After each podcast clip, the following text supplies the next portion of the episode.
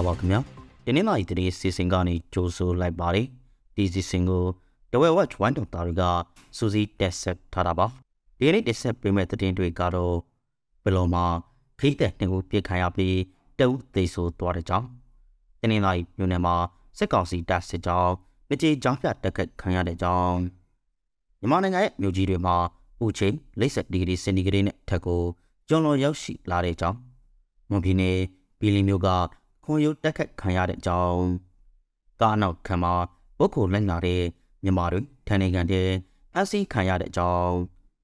ဘာငါးတောင်းတဲ့အထက်ငွေရွက်ငွေထုတ်သူတွေကိုမျက်နှာမှတ်တမ်းတပ်ဖို့ယူဖို့ထိုင်းဘဏ်ကြီးတွေစီစဉ်နေတဲ့အကြောင်းရွှေစည်းကွက်စားတဲ့သတင်းတွေပဲဖြစ်ပါတယ်ဘလော်မှာဒိတ်တဲ့နှစ်ဦးပြစ်ခံရပြီးတဦးသေဆုံးသွားပါတယ်ဧပြီလ25ရက်ကခ ရီးသည်နှစ်ဦးမင်းထေရွာကနေဘလော်မြို့ကိုပြည်တော်စုလမ်းမအတိုင်းချင်းနေသွားရန်ကနေပေါ်ကိုရွာအနီးမှာပြစ်ခတ်ခံရတာပါ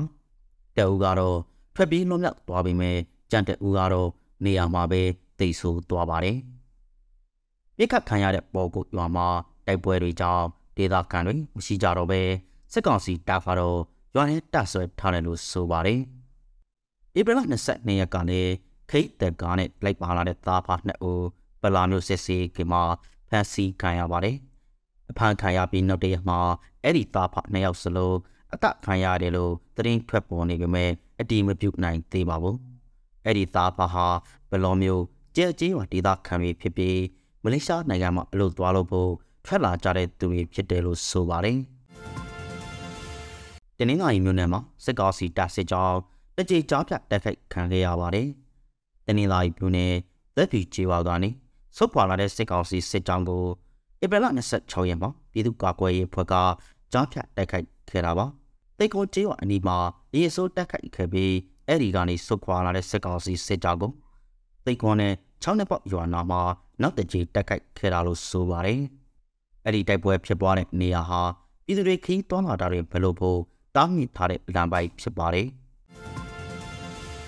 မြန်မာနိုင်ငံရဲ့မြို့ကြီးတွေမှာအပူချိန်40ဒီဂရီစင်တီဂရေနဲ့ထက်ကိုကျော်လွန်ရောက်ရှိလာပါတယ်။မိုးလေဝသဌာနကထုတ်ပြန်ထားတဲ့ဒီကနတွေအရ2023ခုနှစ်ဟာမြန်မာနိုင်ငံအတွက်အမှုဆုံးနှစ်အဖြစ်စချိန်တင်ပွဲရှိနေပါတယ်။မြန်မာနိုင်ငံရဲ့မြို့ကြီးဆံမြို့ထက်မနည်းအပူချိန်40ဒီဂရီစင်တီဂရေနဲ့ထက်ကိုကျော်လွန်ရောက်ရှိနေတဲ့အနေအထားပါ။ကလေးဝါနဲ့ညောင်မြို့မှာဆိုရင်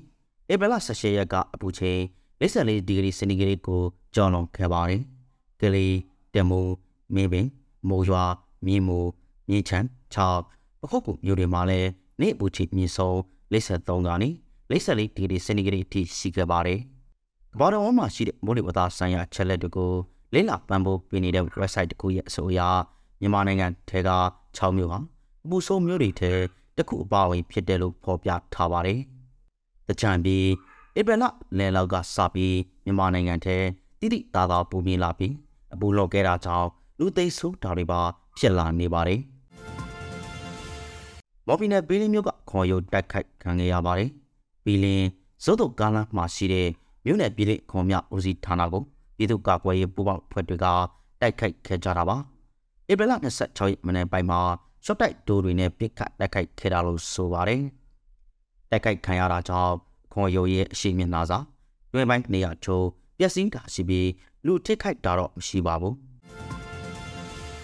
ကားနောက်ခမ်းမှာပိုးကိုလိုက်လာတဲ့မြန်မာတွေထိုင်နိုင်ငံတဲ့ဖမ်းဆီးခံရပြန်ပါတယ်။ကားအနောက်ဘက်အင်းနဲ့ပလတ်စတစ်ပိုင်းများအောက်မှာပိုးကိုလိုက်ပါလာတဲ့မြန်မာလူသမား25ဦးအဖမ်းခံလိုက်ကြပါတယ်။ထိုင်းနိုင်ငံတောင်ပိုင်းတနေရာမှာဧပြီလ26ရက်ကဖမ်းခံရတာဖြစ်ပါတယ်။မြန်မာလူသမားတွေကို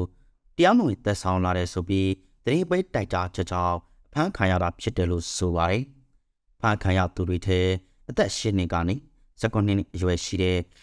ကလေးဆငါဦးလည်းပါဝင်ပါတယ်။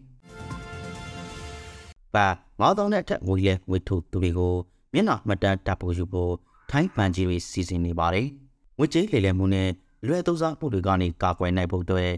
ဗတ်9000နဲ့အထက်ငွေလက်ငွေထုတ်သူတွေကိုတပ်ဖို့ရိုက်ယူမှတ်တမ်းတင်ထားဖို့စီစဉ်နေပါတယ်။ပါကောက်ပန်ကာစီကိုပန်တို့လိုနိုင်ငံတော်ဆစ်ရှိတဲ့ဘဏ်တွေက အဲ့ဒီအစီအစဉ်ကိုမေလထံမှာမိတ်ဆက်ပေါ်ဆောင်သွားဖို့ရှိနေပါတယ်။ထိုင်းနိုင်ငံထဲကလာစားဘန်တွေကတော့အဲ့ဒီအစီအစဉ်ကိုဆွန်လာနောက်ဆုတ်ထားပြီးလှုပ်ဆောင်ပြမှာပါသုံးဆွဲသူတို့ရဲ့ဇီဝလက္ခဏာတက်သည့်ပြချက်တွေကိုရယူထားရမယ်ဆိုတဲ့ type ဗဟိုဘန်ရဲ့ပြောကြားပြီးတဲ့နောက်ပိုင်းအဲ့ဒီအစီအစဉ်ကိုကောက်ထည့်ဖော်လာတာလည်းဖြစ်ပါတယ်အဲဒါကြောင့်ထိုင်းဘန်တွေကိုအသုံးပြုပြီးငွေသွင်းငွေထုတ်ပြုလုပ်နေသူတွေအထူးသဖြင့် တော်လိုင်းထောက်ဖို့လုပ်နေသူမြန်မာနိုင်ငံသားများတတိထားဖို့လိုအပ်တယ်လို့ပြောဆိုတာတွေရှိနေပါတယ်တဝဲစည်းကွက်ထဲရွှေစီကြသိန်းသုံးဆနာကလာပါတယ်ဒီကနေ့တဝဲစည်းကွက်ထဲဈေးဖွင့်ထားတဲ့နှုတ်ထားအရာအခောက်ရွှေစီဟာတကြတာကြသိန်းသုံးဆနာကလာနေပါတယ်ဧပြီလတရိယာဘက်ကတကြတာ29သိန်း5000ကျလောက်ပဲရှိတဲ့အခောက်ရွှေစီဟာ